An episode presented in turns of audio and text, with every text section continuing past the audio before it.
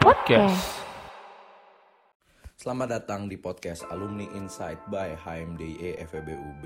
Perkenalkan saya Adrian Ramaputra masih selaku host kalian di podcast kita hari ini. Podcast kita hari ini mengambil tema organisasi versus magang dan tentunya kita kedatangan dua tamu yang luar biasa sekali yaitu kedua alumni dari Departemen Ilmu Ekonomi Kebanggaan kita yaitu dari Kak Eki dan Kak BK. Untuk Kak Eki dan Kak BK bisa langsung saja memperkenalkan diri.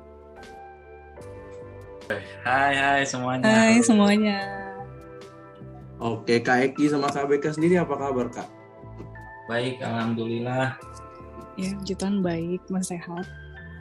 Alhamdulillah. Sebelumnya aku sih sebenarnya mau ucapin terima kasih sebesar-besarnya sih pada Kak Eki sama Kak BK karena telah menyempatkan waktu di antara ya busy schedule-nya lah untuk hadir dalam podcast Alumni Insight by Public Relations Department-nya gitu sih, Kak. Makasih banget ya Kak, Kak BK sama Kak Eki. Terima, kasih juga kembali undangannya. Sebenarnya sebenarnya kita gabut sih. Semenjak nggak ikut himpunan ya Ki ya. Benar-benar. ya. Kayaknya lebih sibuk himpunan ya. iya makanya.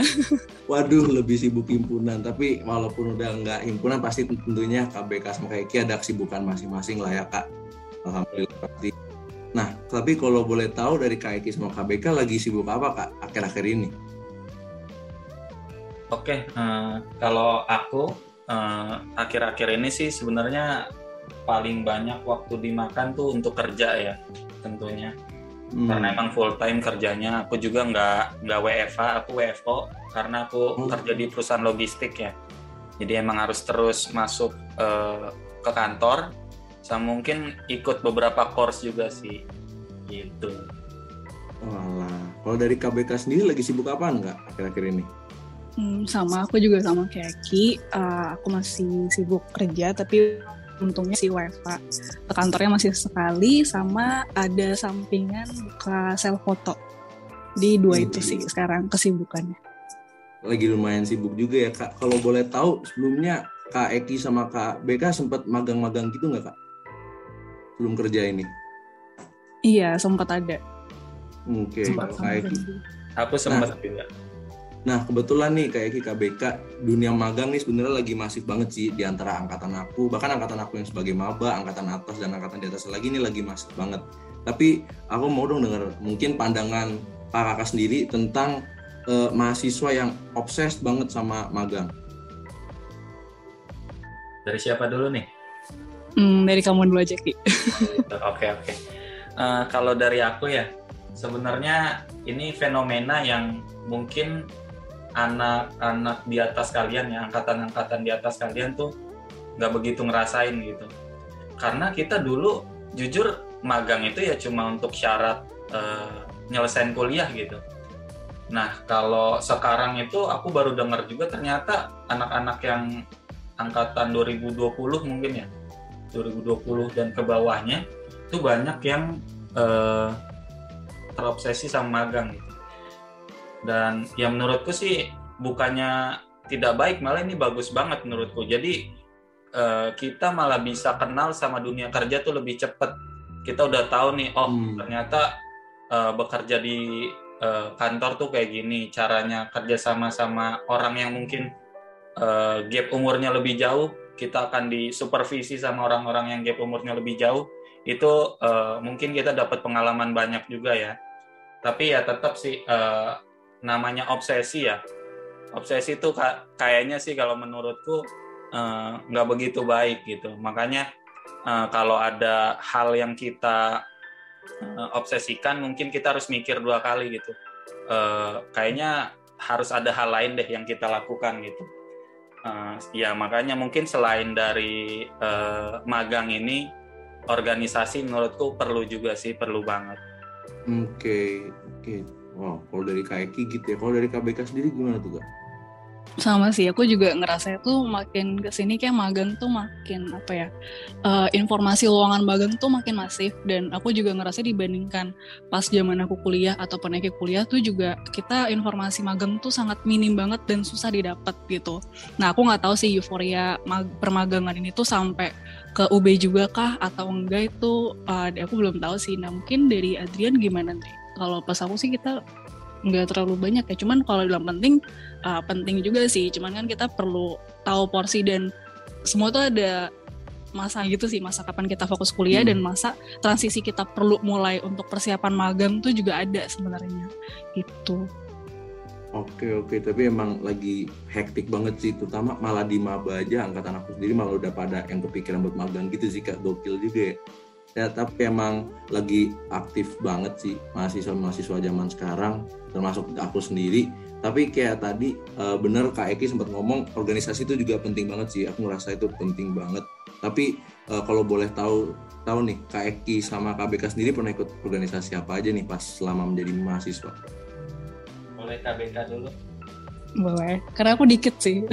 Lama aku tuh pas kuliah tuh kita dikit banget. Tapi lama Nah, aku tuh dulu ikutnya uh, himpunan himpunan ilmu ekonomi ya, bukan himpunan jurusan lain. Ya aku cuma ikut himpunan doang sih sama aku kuliah, belum ada ikut yang lain. Sama program kerjanya kali ya, proker-proker gitu aku join. Kalau organisasi baru himpunan aja.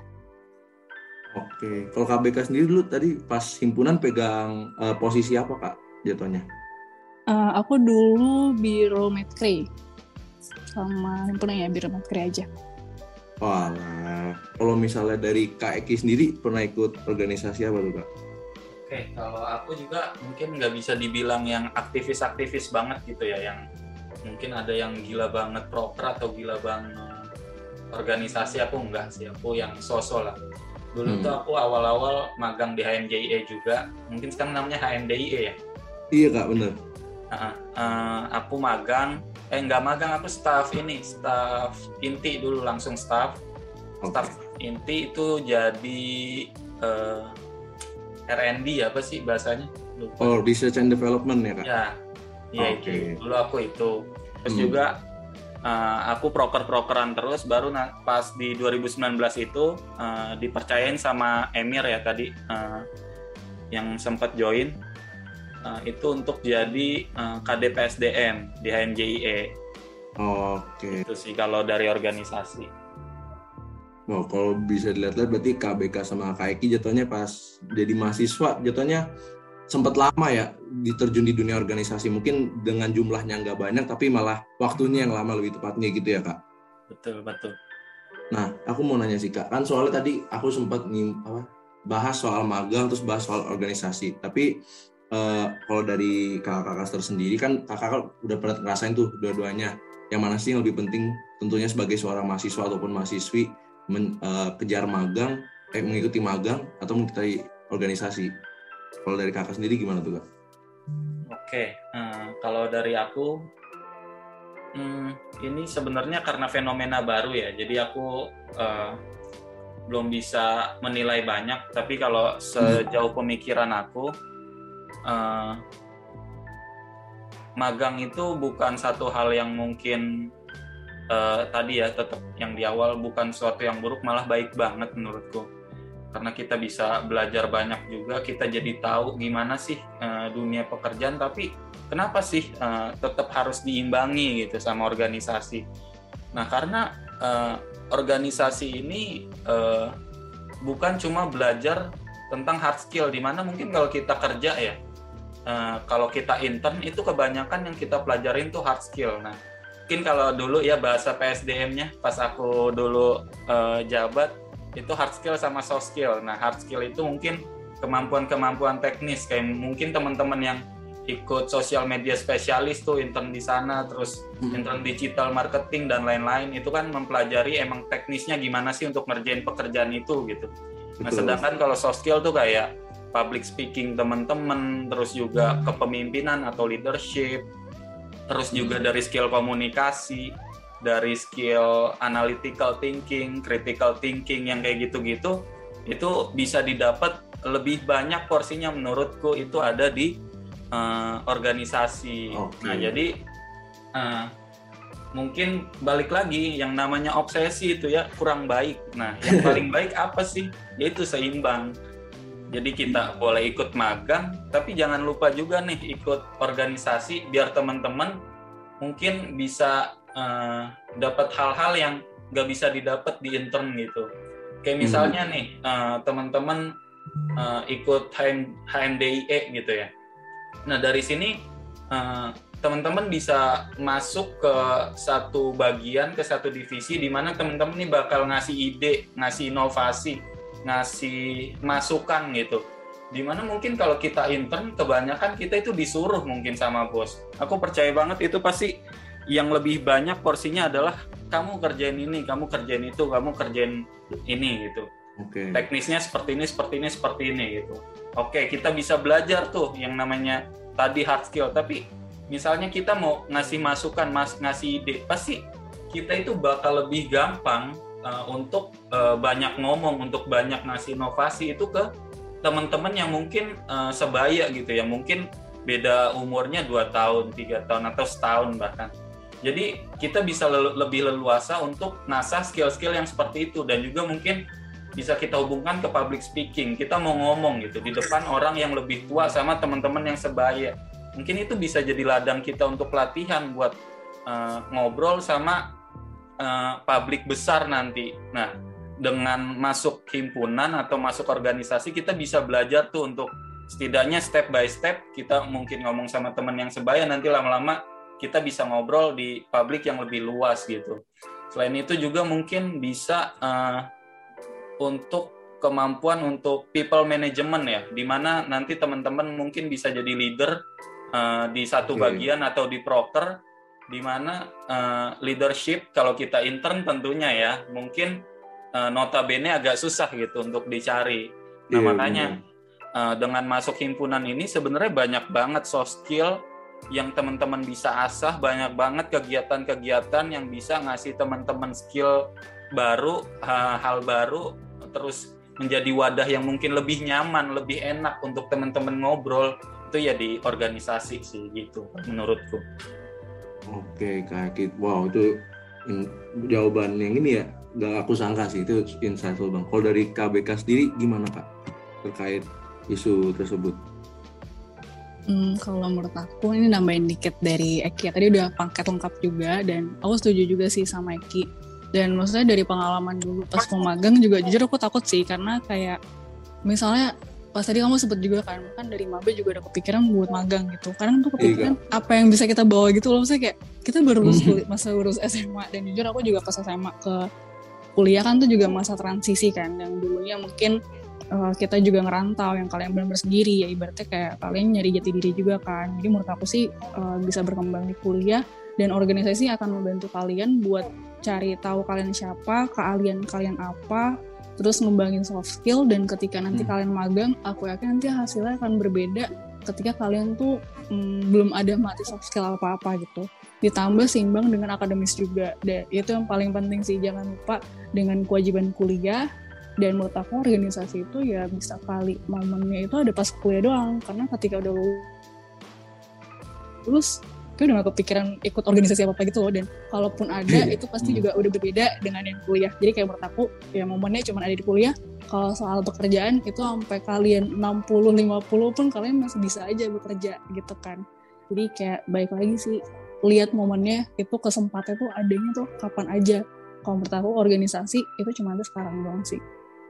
Itu gokil juga ya berarti bener sih kak kalau habis di BGP kita ikut organisasi buat kembangin soft skill sih tentunya kak. Ya mm -hmm, benar. masuk ya, dulu, dulu aku malu aku malas sih jujurnya dulu ikut organisasi. Karena aku orangnya kayak mageran kan. Apa yang baru kuliah terus saya kayak aduh aku pengen kayak jelajah Malang lah kalau dulu offline. Apalagi kalau sekarang online yeah. ya mungkin agak susah kali ya. Lebih challenging juga gitu. Cuman kayak setelah aku berkecimpung misalnya dari staff dulu atau dari magang kayak misalnya Eki dulu ya kita di indikator kayak coba duluan sih makin lama makin lagi sih karena makin kenal banyak orang dan buat yang orang susah ngomong gitu ya itu ikut organisasi tuh bakal ngebantu banget sih gitu Iya gokil gokil. Tapi ini sih kak, waktu itu juga sempet masalah organisasi. Tapi ada juga beberapa kasus di mana kadang-kadang ada yang organisasi terus kayak diem-diem terus menerus sehingga dia tuh karena terlalu fokus di organisasi dia tuh lupa buat magang gitu loh kak jadi sebenarnya yang aku mau nanyain tuh uh, menurut kak Eki sama KBK sendiri uh, eh, KBK sama kak Eki tuh rekomend yang mana magang sambil intern sambil kuliah atau intern setelah kuliah gitu kak soalnya sekarang optionsnya tuh banyak banget gitu loh kak Iya, uh, kalau dari aku ditanya intern uh, setelah kuliah atau sebelum kuliah gitu ya. Jadi hmm. kuliahnya nanti dibarengin organisasi. Kalau menurutku sih uh, kalau sekarang masih hybrid ya kondisinya, mungkin masih banyak uh, kuliahnya di rumah. Menurutku sah-sah aja untuk teman-teman tetap intern organisasi bahkan kuliah di di satu waktu yang sama. Maksudnya kalian ikut tiga-tiganya itu nggak masalah menurutku karena jujur nih ya, aku kemarin himpunan, aku proker, organisasi dan lain-lain, uh, aku juga masih banyak kok gabutnya gitu, masih bisa aku main sama teman-teman, mau ngopi kayak mau main kartu, mau main apa pes mau main apa tuh masih oke oke aja gitu jadi daripada yeah, yeah, teman-teman gabut di misal di kosan apalagi hybrid ya tadi yang aku bilang berarti kan harusnya waktu luangnya lebih gede gitu karena peluang yeah, untuk yeah. bukan peluang sih tapi uh, kebanyakan orang tuh lebih banyak di rumah gitu. Nah jadi hmm. nggak hmm. apa-apa diluangin aja waktunya untuk organisasi juga, untuk kuliah juga, bahkan untuk intern juga gitu. Aku yakin waktunya mah pasti ada, tergantung teman-teman aja bisa ngebagi itu dengan baik atau enggak dan teman-teman mau atau enggak itu sih. Oh, oke, okay. berarti emang berdasarkan kemauan sendiri sih emang benar kayak. Benar, benar. Iya, Aku yakin tiga-tiganya dijalanin bisa kok. Iya, tiga-tiganya. Ya. Tiga-tiganya. Bisa, bisa. Bisa, bisa banget. Deh, iya, dari KPK sih. gimana tuh? Iya, menurut aku juga bisa sih, apalagi kayak kalau sekarang online ya. Hmm. Jadi aku sekarang masih mes juga sih sama teman-teman yang udah berapa tahun nih, dua tahun kuliah online gitu. Menurut aku sih kayak tiga-tiganya masih bisa dijalanin. Bahkan kayak sekarang gue bisa join tiga Zoom sekaligus gak sih? Iya, Sama kan dengan kalian bisa kayak kalian bisa banget sambil magang sambil ya tapi kan ya hasilnya kan berbeda ya. Jadi kan nggak yeah. ada nggak ada yang optimal gitu kan. Jadi kayak menurut aku sih bisa tapi uh, sebelum kuliah sambil kuliah pun bagus gitu magang. Cuman balik lagi kayak menurut aku sih uh, utamain tuh kuliah sama coba berkecimpung di organisasi dulu. Misalnya di tahun kedua tahun ke, uh, tahun pertama dan kedua gitu ya.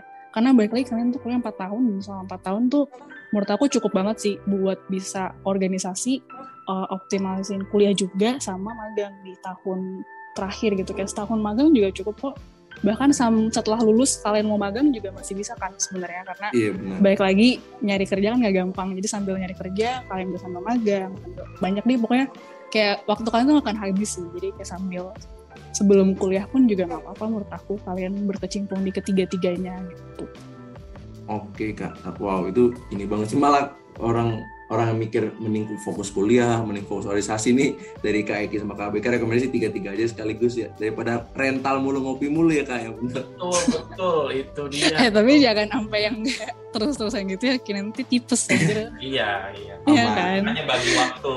Iya Kalian jangan, ngambil magangnya yang oh bareng nih ada kuliah. Ya lu magang juga. Salah dong iya, iya bener Kak. bener. Tahun ketiga keempat tuh luang kan iya sebenarnya. Emang gitu. Nah, itu dia tuh. Ilmu kagak tipes iya tuh ada yang bilang kayak gitu tuh. waduh jangan. Ya semoga nggak tipes lah kak. iya iya. Nah tapi kak kan ngomong kan tadi kita dengar dari KBK sama kayak kayak kalau misalnya kita sekarang lagi online lagi hybrid gini kalau misalnya ada kesempatan ya ambil aja. Kalau bisa tiga-tiganya kalau mampu dan kalau mau gitu sih kak. Nah tapi mungkin aku mau denger mungkin sedikit tanggapan atau mungkin bukan tanggapan ya tanggapan atau kata-kata buat orang-orang yang mungkin kuliah tapi dia maksudnya apa ya bahasanya itu apa ya kupu-kupu kuliah pulang kuliah pulang. Nah gitu. Nah kalau tanggapannya uh, BK sama KEK itu gimana tuh kak terhadap orang yang gak ikut organisasi yang gak magang yang jatuhnya cuma dah lulus aja gitu loh kak? Hmm, sayang sih sebenarnya terus uh, apa ya empat tahun terus kayak cuman kuliah pulang kuliah pulang. Uh, menurut aku tuh nanti ada satu titik di mana eh, maksudnya ini yang bikin aku jadi sadar juga ya. Jadi waktu itu ada abangku sendiri dia minta tolong editin. Karena kan dia dulu nggak bisa ngedit CV gitu kan hias-hias gitu lah. Aku bantunya edit tuh. Dari situ aku mulai terinspirasi yang kayak lah iya aku mau ngisi CV aku apa ya gitu bahkan kayak kalau Oh. magang karena aku di Malang dulu jadi susah kan nyari magangnya jadi aku mikir oh iya untungnya masih ada himpunan maksudnya kayak aku masih ada organisasi lah apa pun yang bisa Hmm. jadi nilai plus aku juga sehingga aku bisa ada soft skill yang bisa aku tawarin gitu baru sembari itu itulah yang bisa aku tawarin buat magang kalau buat kerja kan beda lagi ya gitu. kayak seenggaknya ya gitu sih menurut kalau menurut aku kalau dari Eki gimana Ki? Tuh? Buat mahasiswa kupu-kupu ya. Eh, sebenarnya mereka hanya butuh eh, satu tamparan kali. Karena gini jujur awalnya aku pas masih maba maba sampai semester baru ya selesai semester satu lah sampai selesai semester satu aku tuh belum ikut apa-apa. Karena pas baru masuk langsung dihajar eh, matematika eh matematika ekonomi ekonomi matematika. Iya. Matek Itu. matek Iya, ya betul. matek ketemu eh, siapa nam dosennya udah lupa nih. pokoknya matek deh. Kayak aku tahu deh. Kayak udah Marlina, ketemu Bu Marlina dan Oh iya. itu aku langsung diem gitu kayak bukan bukan Pak Edi Bu Marlina jadi kayak wow kok kok kok gue nggak ngerti apa apa ya gitu langsung bener-bener di kelas kayak ini serius kayak gini nih yang gue hadepin seterusnya udah dari situ aku nggak ada nggak ada itu BEM nggak ada itu apa proker HMJI nggak ada itu. Udah aku fokus aja jadi aku bener-bener kuliah. Dan emang sih bener hasilnya itu eh, memuaskan gitu kayak wow eh, IP IP-nya lumayan waktu itu masih 3,7 semester 1 masih oke kan? Wih. Jadi terus pas udah masuk semester 2 eh, mulai ngeliat nih temen-temen ada yang magang di- jadi staf magang BEM ada yang staf magang himpunan terus kayak melihat mereka "Wah, pun- orang tuh pada punya kegiatan gitu ya orang kuliah tuh kayak gini gitu. Jadi eh, lambat laun aku mulai ngeliat kayaknya eh, ini butuh juga gitu. Akhirnya aku mulai join tuh ke eh, HMJE waktu itu jadi eh, staf tetap. Nah ya kenapa kayak titik tamparannya itu kayak ngelihat eh, aku yakin eh, dulu tuh aku nggak punya skill untuk ngomong sama sekali kayak ini kayak gini gue nggak bisa coy asli dulu kalau lu suruh gue ngomong nggak bisa. Kayak gini aja gue nggak bisa mungkin untuk ngobrol sesantai ini. Tapi perlahan gitu ya aku aku juga tipikal eh, mahasiswa yang merangkak banget tuh. Aku dari staff staff hari staff tetap dulu terus eh, naik eh, ikut proker proker masih staff semua. Kan ada tuh yang baru-baru langsung jadi kodir jadi asko aku enggak staff dulu. Terus Hmm. eh, semester depannya baru dipercayain jadi asko terus ditambah kodif kodif tahun depannya lagi baru jadi eh, apa namanya eh, ketua pelaksana. Nah itu jadi aku emang yang tipe bertahap gitu. Jadi kayak emang eh, dari situ kita eh, dapat gitu kayak eh, hal-hal baru hal-hal yang eh, mungkin aku dulu ngelihatnya teman-temanku tuh udah bisa duluan tapi aku terlambat. Tapi setidaknya akhirnya aku dapat gitu. Iya. Terus inilah ini skill ngomong ini itu nggak gampang buat orang-orang pemalu. Nggak gampang Iya, untuk iya. orang-orang introvert yang mungkin nggak biasa ngomong gitu ya. Nah jadi eh, at least skill ngomong terus ternyata ada bonus-bonusnya gitu. Dapat skill leadership juga. Hmm. gila Uh, aku waktu itu sempat dapat uh, kesempatan untuk jadi uh, kodif uh, SPV atau mentor bahasanya SPV Oh, kan iya. MJI. padahal aku nggak pernah jadi SPV waktu itu. Jadi tiba-tiba karena nggak ada orang yang mau gitu kali ya aku ditawarin. Terus akhirnya aku masuk dan di situ aku mulai ngerasa oh gue tuh bisa mimpin ternyata. Cuma gue nggak pernah mau nggak pernah mau nyoba gitu. Dan orang nggak pernah ngeliat itu di aku sebelumnya. Cuma waktu itu di diyakinin sama eh, kahimnya akhirnya dapat deh kesempatan untuk jadi pemimpin gitu. Itu pertama kali aku bener-bener wih gila gue jadi kodif gitu. Nah di situ aku bener-bener belajar untuk kayak oh eh, lo pada yang kupu-kupu. Lo nggak dapet ini kayak gitu sih kalau dari aku. Walah, tapi emang gitu sih. Emang bener sih kata orang-orang kak never too late to learn sih kalau masalah. benar benar Nah, tapi kan kayak dari tadi kita ngomongin kayak kayak sama KBK pernah magang, terus pernah himpunan gitu, tapi sembari kuliah malah sembari kuliah KBK sama kayak aktif lah di organisasi kakak-kakak masing-masing. Tapi pernah nggak sih kak kayak Ki atau KBK gitu kayak malah karena keramaian gitu mungkin magang atau himpunan gitu malah jatuhnya eh, terganggu dikit gitu kuliahnya?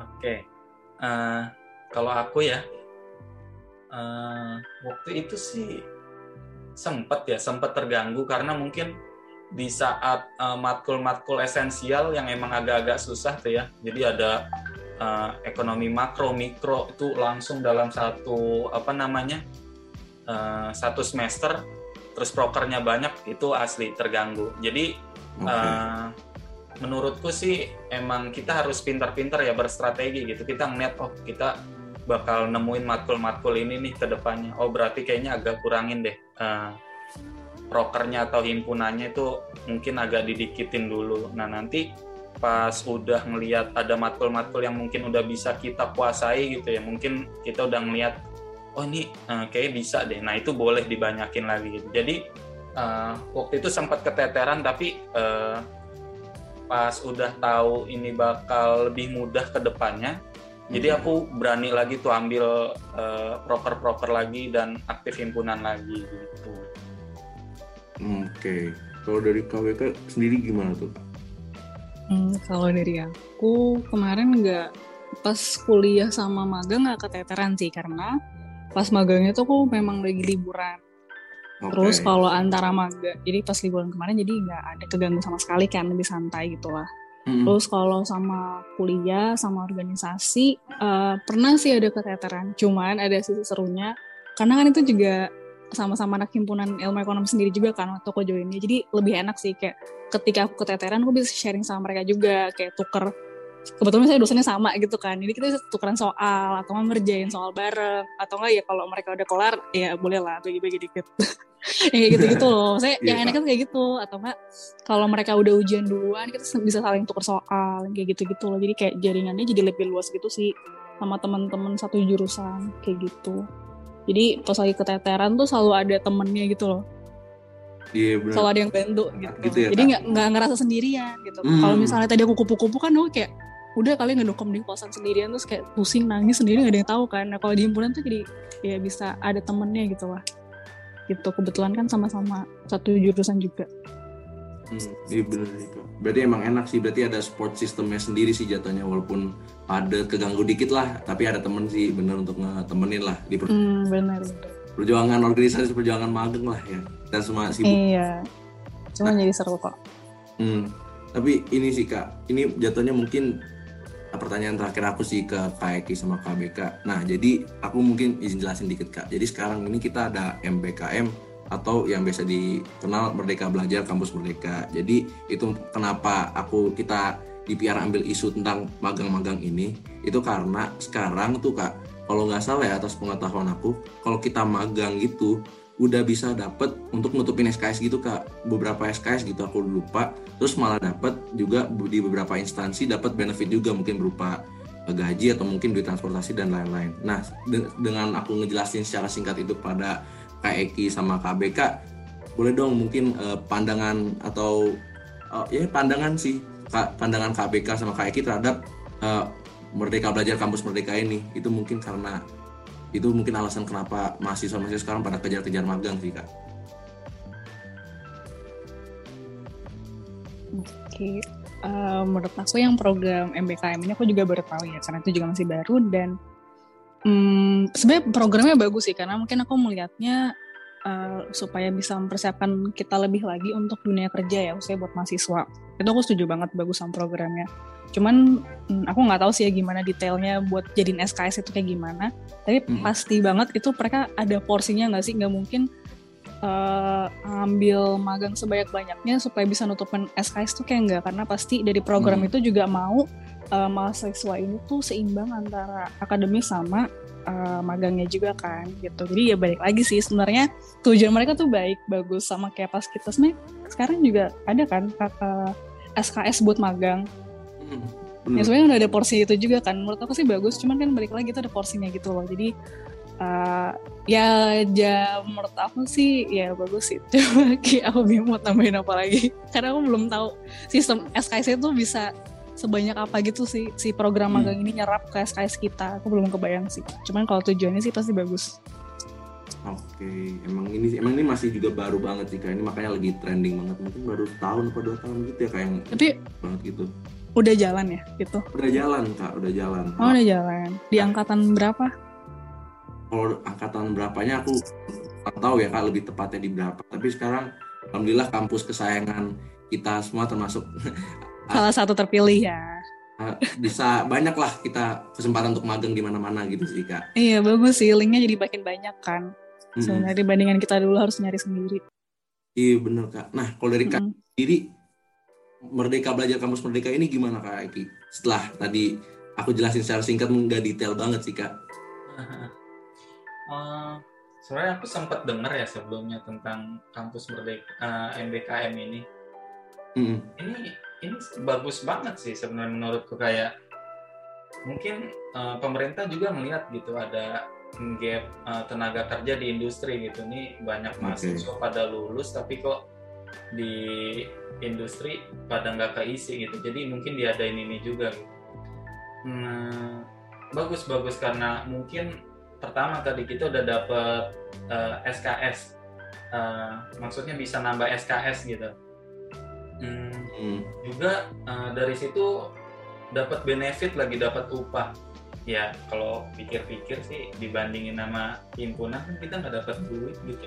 Malah kalau dulu kita keluar duit gitu. Nah ya kalau dipikir-pikir kenapa mereka nggak ke sana gitu kan? Tapi balik lagi aku tetap dengan prinsipku yang pertama yang sebelumnya aku bilang yaitu kita tetap harus balance gitu. Karena di dunia intern di dunia pekerjaan itu kita belum tentu bisa dapat kesempatan untuk berinovasi kesempatan untuk ngomong banyak untuk berpublic speaking Mm. dapat wadah itu tuh mungkin eh, nggak sebesar itu untuk kita di tempat magang itu kali ya.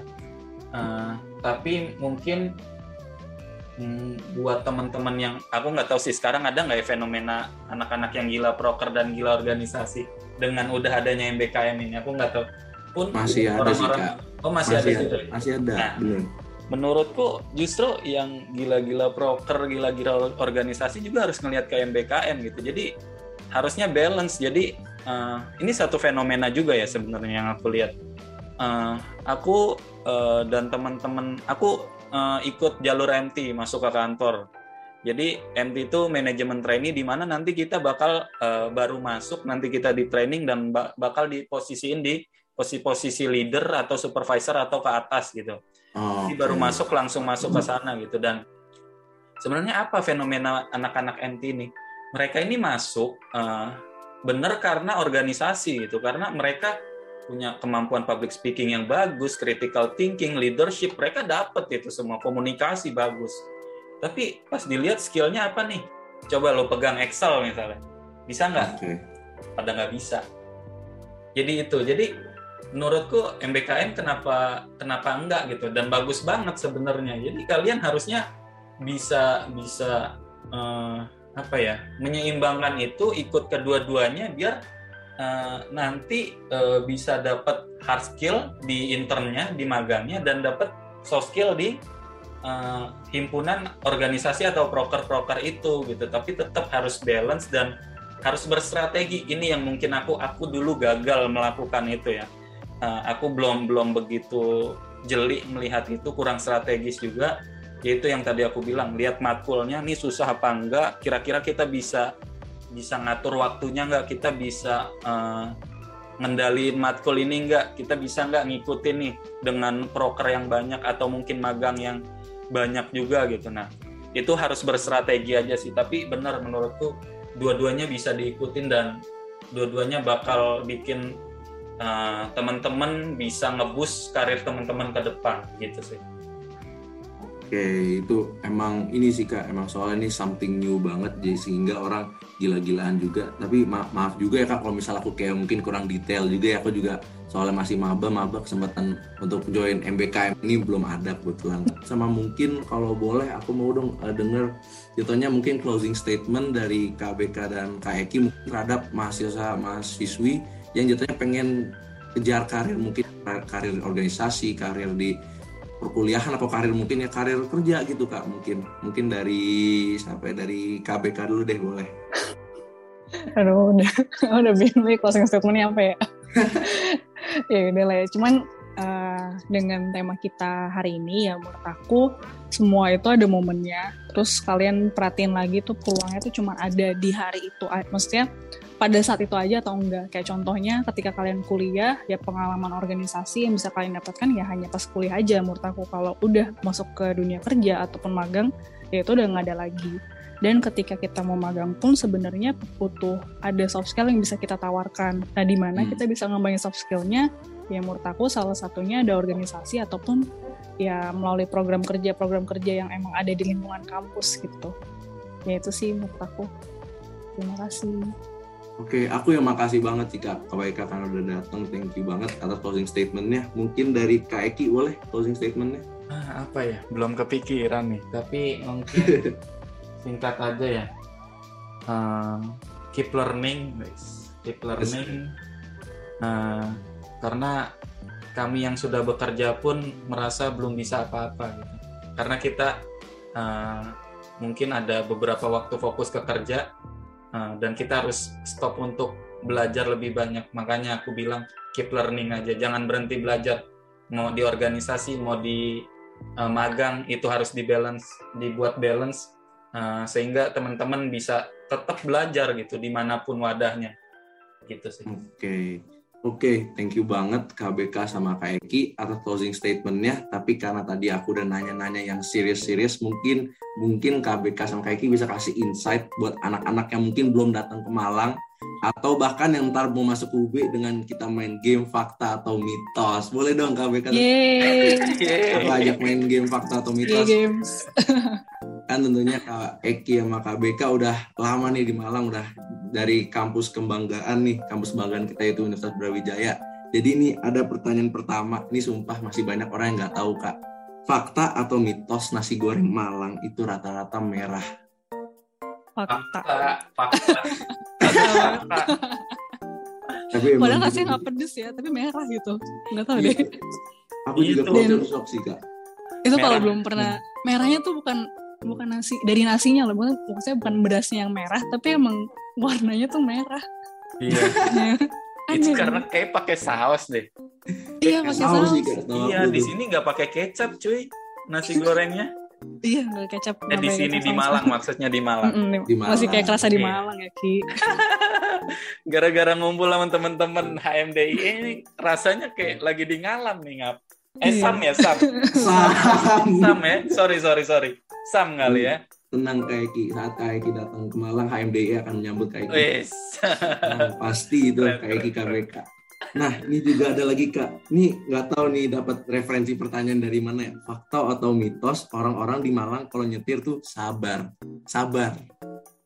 Mitos. Mitos gue sebagai yang pejalan kaki tuh selalu susah buat nyebrang karena itu mitos banget sih. Betul betul. Faktanya ya, kan? adalah penyeberangnya yang harus sabar. Itu iya. kalau nggak sabar nekat. Kalau nggak sabar nekat. Sumpah aku pernah ngomong gini ke temanku. Bro kayaknya kalau kita buka les nyebrang di Malang laku deh. Ya, bener.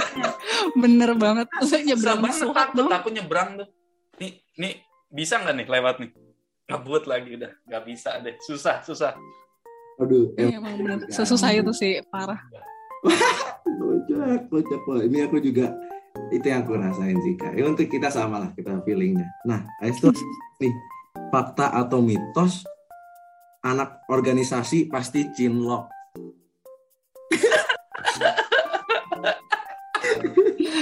Eh tapi nggak tahu ya kayak selalu tapi agak fakta sih karena saya kalau aku ikut proker pasti ada aja.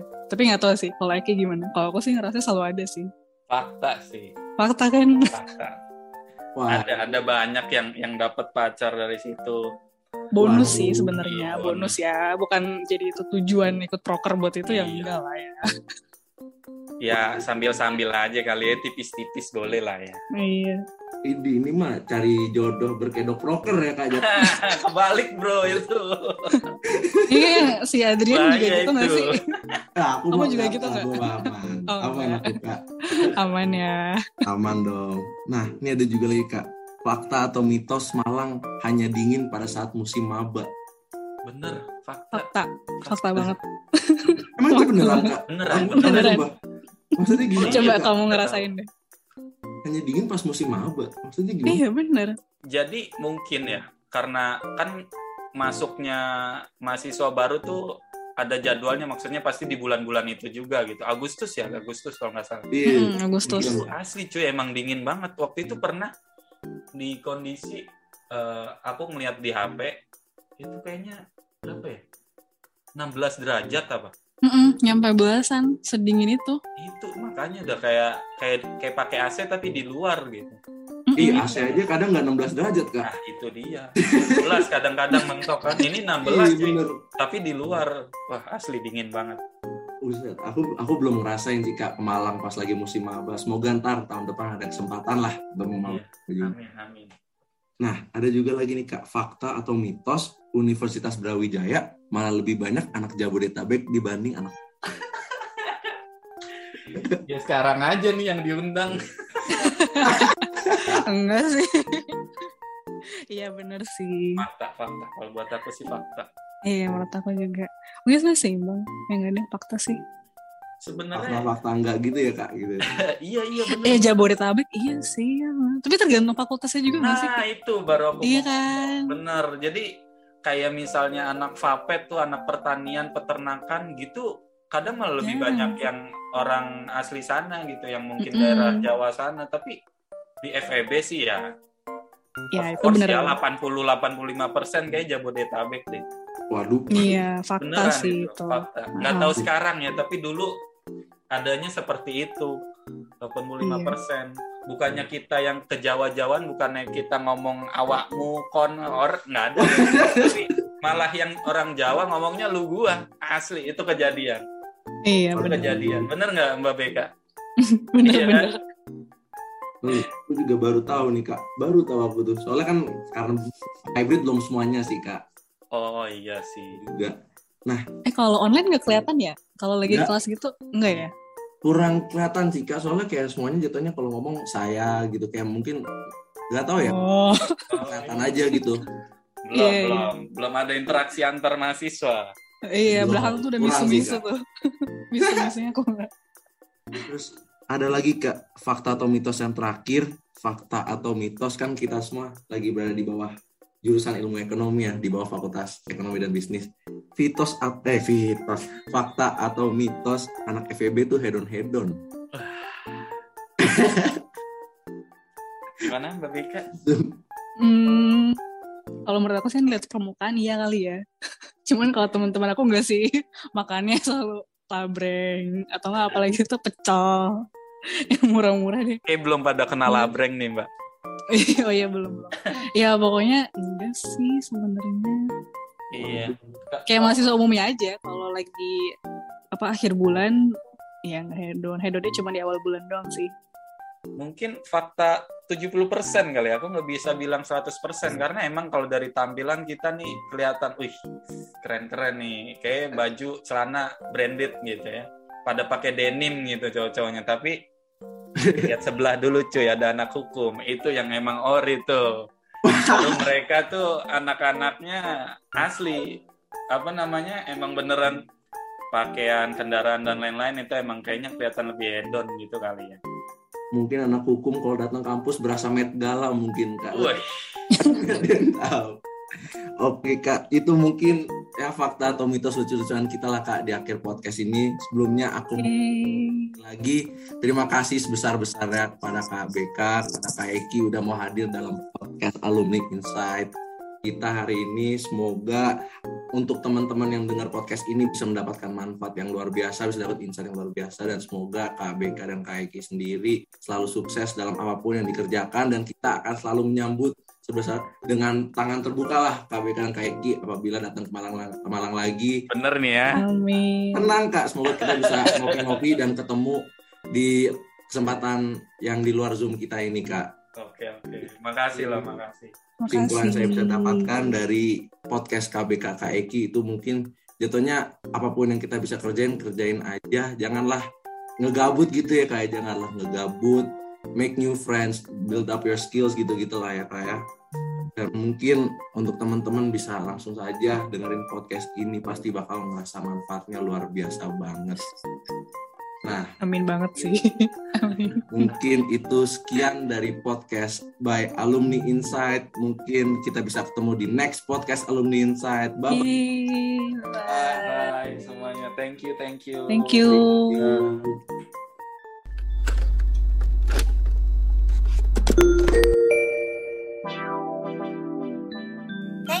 for enjoying the moment with us through listening this podcast. and also tap our other episode and share it to your mate. See you guys in another episode.